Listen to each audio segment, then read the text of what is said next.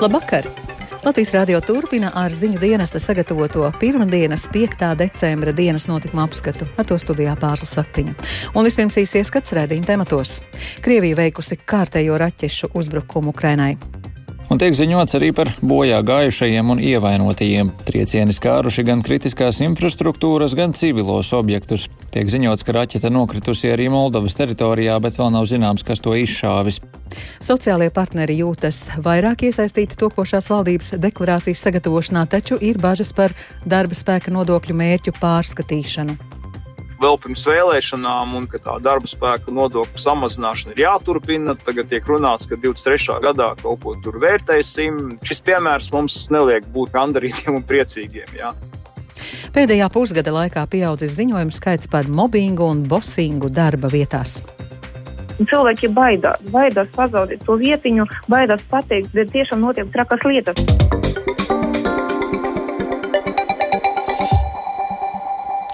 Krievijas armijai, turpinot apšaudīt Ukrainas teritoriju, aizvadītajā naktī piedzīvoti kārtējie raķešu uzbrukumi. Savukārt šodien pēcpusdienā Krievija veikusi kārtējo masveida raķešu uzbrukumu. Tikmēr Krievijas Engelsas gaisa spēku bāzē Sarātovas apgabalā pēc drona uzbrukuma pirmdien noticis sprādziens. Bet Ukrainas prezidents Valdimirs Zelenskis intervijā Financial Times izteicies, ka Ukrainas partneri pirms Krievijas iebrukuma 24. februārī nesniedza Ukrainai konkrētus izlūkošanas datus. Un par visu plašāk stāsta Rihards Plūme.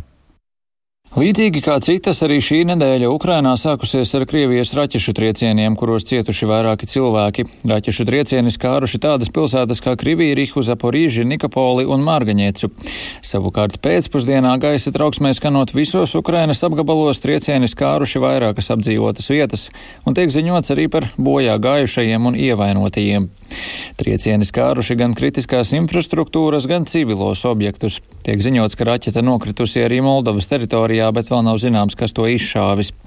Ukrainas prezidents Valdemirs Zelenskis vakar vakarā paziņoja, ka Krievijas rīcībā joprojām ir pietiekami daudz raķešu un artilērijas lādiņu, lai turpinātu apšaudīt Ukrainas pilsētas. Ворог дуже сподівається використати зиму проти нас. Ienaidnieks cer izmantot ziemu pret mums, padarīt ziemas augstumu un grūtības par daļu no sava terora. Mums ir jādara viss, lai izturētu šo ziemu, lai cik smaga tā būtu, un mēs izturēsim. Izturēt šo ziemu nozīmē visu aizstāvēt. Krievijai joprojām ir raķetes un priekšrocības artilērijā. Jā, bet mums ir kas tāds, kā okupantiem nav un nebūs. Mēs aizsargājam savu māju. Un tas mums sniedz vislielāko iespējamo motivāciju. Tikmēr Krievu mediji šodien ziņoja, ka Krievijas Engelsas gaisa spēku bāzē Sarātovas apgabalā pēc drona uzbrukuma noticis sprādziens. Drons nokritis uz skrejceļa, un tā izraisītā sprādziena rezultātā bojāti divi strateģiskie bumbedēji Tu-95 un ievainotas divas militāra personas, kas nogādātas slimnīcā.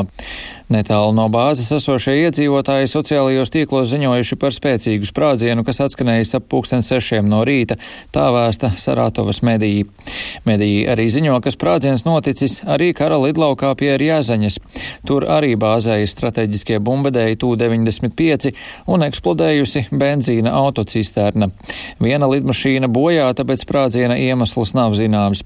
Sprādziena rezultātā izcēlies ugunsgrēks un gājuši bojā vismaz trīs cilvēki, bet seši gūti guvuši ievainojumus.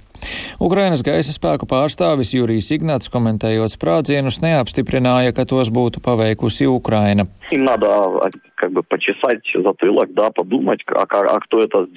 Viņiem vajag pakasīt pakausi, padomāt, kā un kas to izdarīja, kā tas notika, atrast vainīgos.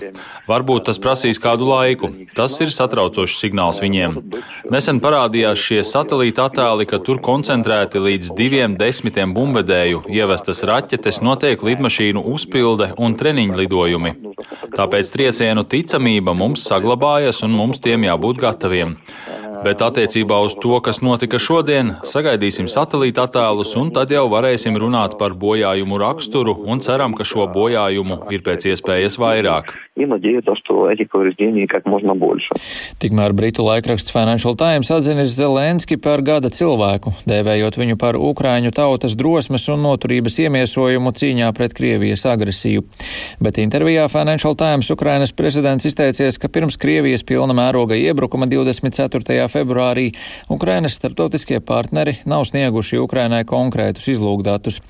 Neskatoties uz rietumu amatpersonu publiskiem brīdinājumiem, Kijevai nav sniegta izlūgdatu informācija par gaidāmo Krievijas uzbrukumu, uz kuru pamata būtu iespējama rīcība, teica Zelenskis. Neviens mums nerādīja konkrētus materiālus, sakot, ka viņi nāks no vienas vai otras puses, intervijā norādījis Zelenskis.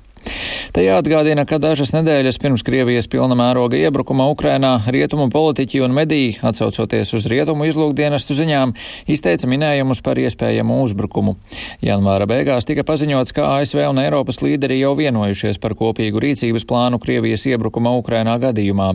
Augustā publicētajā laikraksta The Washington Post izmeklēšanā tika norādīts, ka ASV par iespējamu uzbrukumu zināja jau 2021. gada rudenī. Zelenskis iepriekš intervijā laikrakstam sacīja, ka netic pilna mēroga kara iespējai ar Krieviju, neskatoties uz rietumu partneru brīdinājumiem. Pēc tam viņš norādīja, ka partneri vispārīgi brīdinājuši Ukrainu par iebrukumu un sniegtā informācija neatšķīrās no Ukrainas rīcībā esošās. Rihards Plūme, Latvijas radio. Francijas prezidents Emmanuels Makrons aizvadītajā nedēļas nogalē intervijā Francijas televīzijas kanālām TF1 izteicās, ka rietumiem būtu jāapsver, kā risināt Krievijas vajadzību pēc drošības garantijām, lai izbeigtu karu Ukrainā. Izteikumi, kas pausti intervijā Makrona valsts vizītes laikā Amerikas Savienotajās valstīs pagājušajā nedēļā izpelnījušies asu kritiku no Kievas un Eiropas Savienības stingrās līnijas piekritējiem.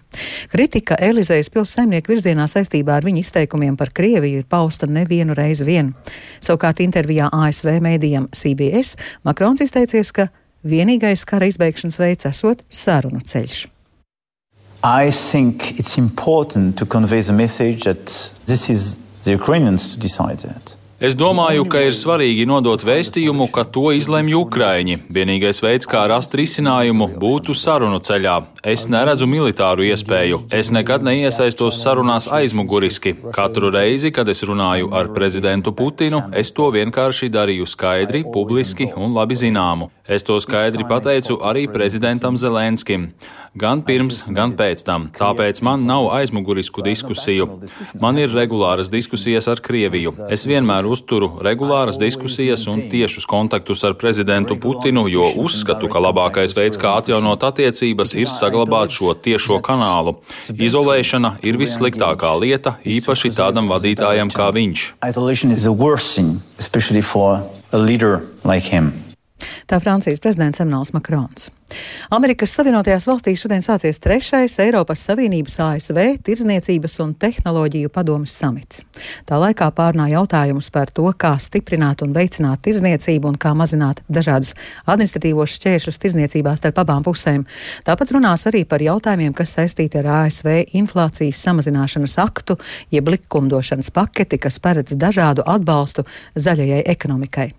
Eiropas Savienība satraucas par šo aktu, jo tas nostāda Eiropas uzņēmumus neizdevīgā pozīcijā. Eiropas komisijas samitā pārstāvošais izpildu viceprezidents Valdis Dombrovskis sarunā Latvijas rādio pauda cerību, ka progress šajā jautājumā tiks panākts. Diemžēl šis atbalsts tiek sniegts veidā, kas diskriminē Eiropas Savienības kompānijas. Līdz ar to mēs pārunāsim, kādā veidā šīs problēmas varētu risināt. Faktiski ir jau izveidota augsta līmeņa Eiropas Savienības ASV darba grupa, kas pie šiem jautājumiem strādā. Līdz ar to nu, izvērtēsim, cik tālu šī darba grupa ir tikusi un kādā veidā konkrēti šos jautājumus varētu risināt ceram arī uz kaut kādu progresu. Arī no ASV prezidenta Baidena kunga ir bijusi nu, zināma atvērtība, ka viņš ir gatavs risināt šos jautājumus un ka principā šī likumdošanas pakete nebija domāta nu, vērsties pret sabiedrotajiem. Tā kā nu, mēs ceram uz konkrētu progresu. Topošās koalīcijas partiju pārstāvju valdības sociālo partneru pārstāvjiem sola regulāras tikšanās par aktuāliem jautājumiem, tā skaitā par valdības darāmajiem darbiem. Valdības sociālajie partneri jūtas vairāk iesaistīti valdības deklarācijas sagatavošanā, taču saglabājas neskaidrības. Vairāk Jāņa Kīņša sagatavotajā ierakstā. Uzņēmēju, darba devēju, arotbiedrību, pašvaldību un zinātņu akadēmijas pārstāvju dalība dažādās darba grupās valdības deklarācijas izstrādē bijusi atšķirīga. Turmākajās dienās, gatavojot valdības rīcības plānu ar konkrētiem uzdevumiem, sociālajie partneri cer uz plašāku iesaisti. Topošās valdības vadītājs Krišjāns Kariņš no jaunās vienotības sola regulāras tikšanās ar sociālajiem partneriem. Pirmā no tām - janvārī par nodokļu sistēmas konkurētspējas uzlabošanu kopā ar Latvijas Bankas un Finanšu ministrijas ekspertiem. Kas mūsu sistēmā būtu uzlabojums, lai uzlabotu mūsu valsts konkurētspēju? Mēs daudz runājam par vienkāršošanu un, un zemākiem nodokļiem. Mēs, kā koalīcijas partijas, esam vienojušies, ka mums vajag turpināt politiku, ka septiņreiz nomēr, vienreiz griež.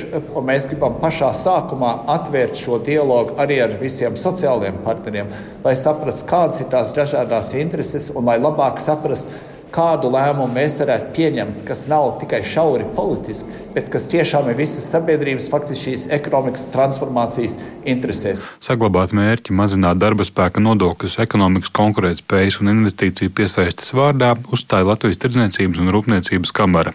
Tās prezidents Aigars Rostovskis uzsver, ka ne par visiem tematiem valdības deklarācijas veidošanā ir izdevies tikt sadzirdētiem, taču saņemts solījums tikt iesaistītiem rīcības plāna izstrādē. Deklarācijas posmā Viņu rakstīja 14 nodaļās, ja tā var teikt, ar 14 atbildīgiem. Tad bija vietas, kur mums durvis atvēra, bet bija vietas, kur mums īpaši gribēja laist iekšā. Veselības tēmā nebija iesaistīšana, izglītības tēmā bija jālaužās iekšā. Tad, atkal raugoties pa saturu, ko mēs redzam, enerģētikā īpaši nekas nav ņemts vērā.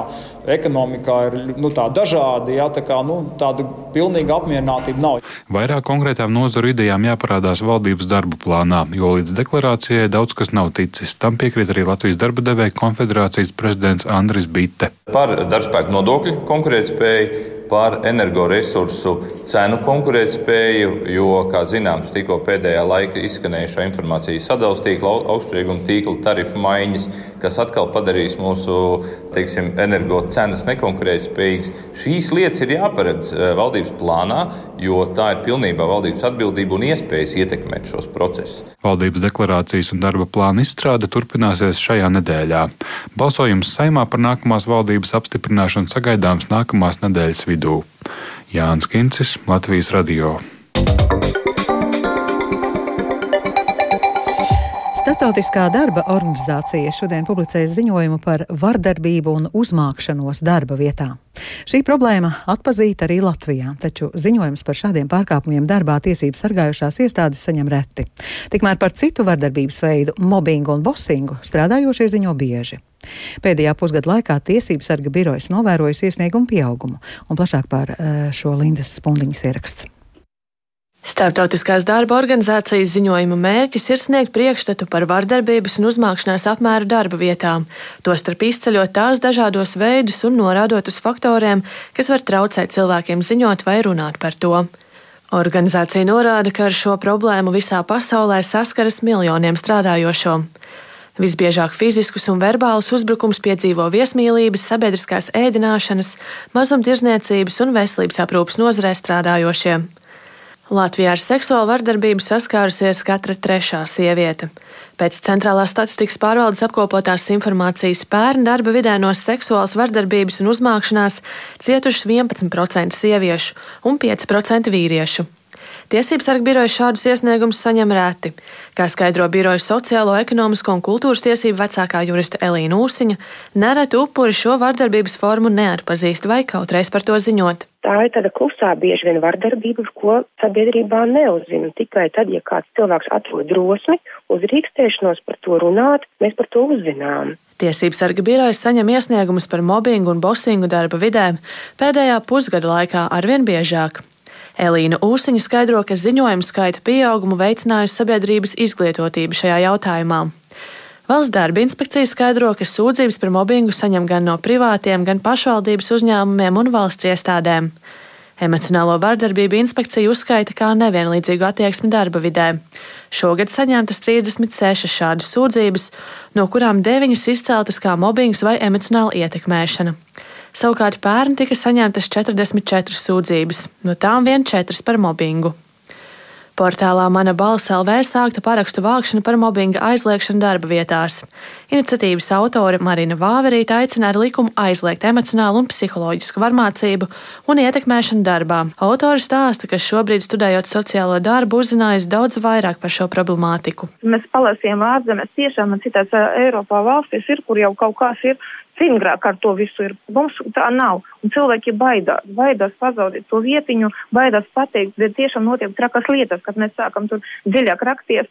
Mēs uzzinājām, ka jā, notiek tiešām, kad cilvēks staigā uz darbu, viņš nezin kādā momentā, ko viņam liks, un viņš dara visu, ko man kolēģi tad pilnīgi piemērs. Viņa saka, ka tur viena cilvēka dēļ, bet tā kā mobils gāja, jau trīs cilvēki aizgājuši darbā, kuri tiešām spēcīgi cilvēki bija varēja strādāt, bet viņi aizgāja, tāpēc, ka viņi nevarēja izturēt to mobbingu tiesības sarga viedoklis būtu tāds, ka jau spēkā esošais tiesiskais regulējums ir pietiekams. Jā, mēs atzīstam, ka nav vienas oficiāli atzītas mobbinga vai bosinga definīcijas, un nav arī šobrīd viena konkrēta likuma, kas to regulētu, kas sniegtu tādu ideālu algoritmu mobbinga identifikācijai un novēršanai. Bet mēs vēršam uzmanību uz to, ka katra mobbinga, bosinga situācija, ar ko cilvēks saskarās, ir absolūti unikāla, nav identisku situāciju. Ja kādā likumā būs stingra definīcija, jo lielāka būs šī mobbinga, bosinga satura un tvēruma konkrētība, jo vairāk sašaurināsies to gadījumu lokus, kas varētu tikt atzīti par atbilstošiem šai normai Skaidro tiesību sargu biroja eksperte Elīna Ūsiņa.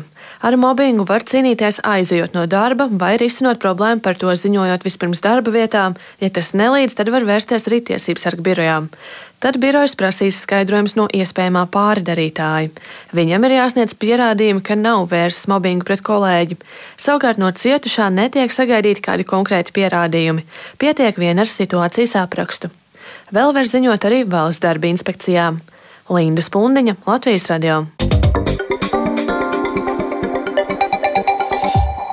Reizeknes pilsētas, Reizeknes novada un daļēji arī Lūdzes novada iedzīvotājiem par nešķiroto sadzīves atkritumu izvešanu būs jāmaksā vairāk.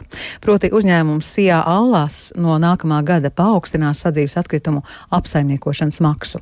Lai samazinātu rēķinus, iedzīvotāji aicināti do, vairāk domāt par atkritumu šķirošanu, jo par šķirotu atkritumu izvešanu nav jāmaksā. Stāsta Lāsma Zuta Vītola.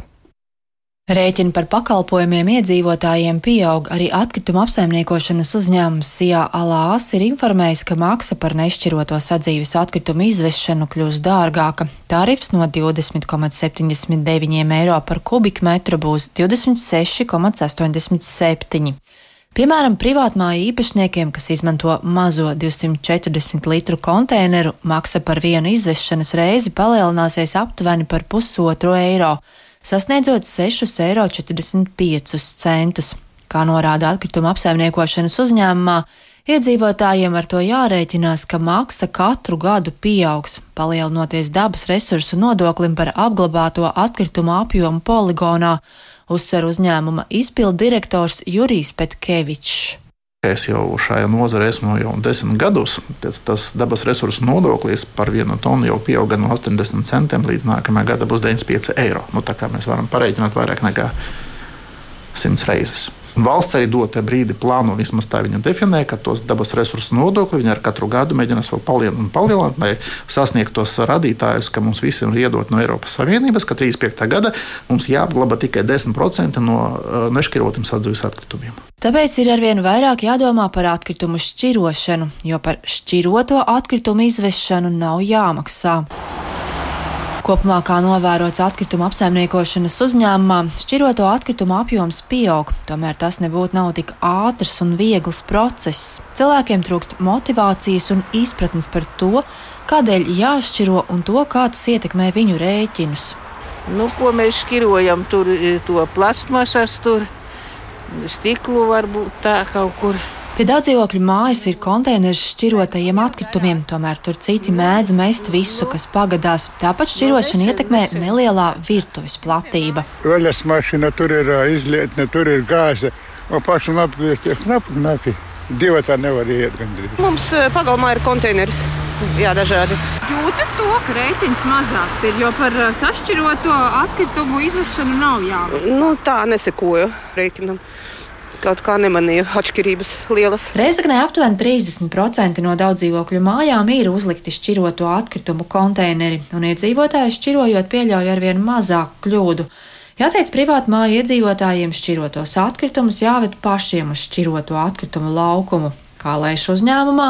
Mazāk par 20% atkritumu tiek sašķiroti, tomēr pieaugums ir vērojams. Piecu gadu laikā tas jau vairāk nekā dubultojas. Stabili vairāk nekā 10% pieauguma apjoma, ko mēs redzam katru gadu. Sijā Alās sola, ka nākamajā gadā šķiroto atkritumu laukumā būs iespēja nodot arī tekstila izstrādājumus.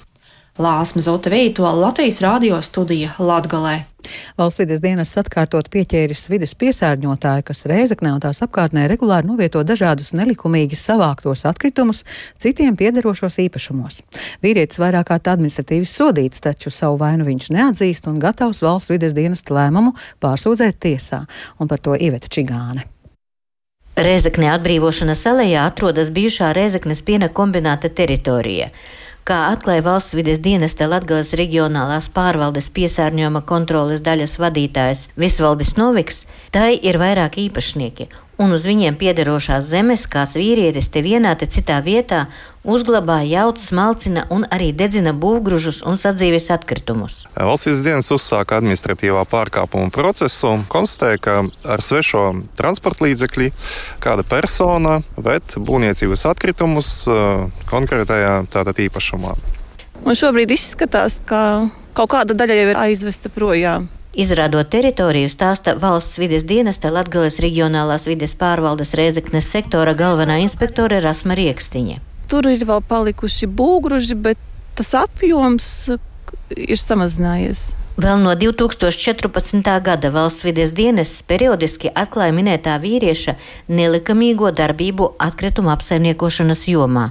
Vīrietim nav atkritumu apsaimniekošanas atļaujas, un viņš nelikumīgi vāc atkritumus no Rezeknas pilsētas un iespējams arī novada iedzīvotājiem. Atvetos uz svešu īpašumu, tur izjauc un pārstrādā.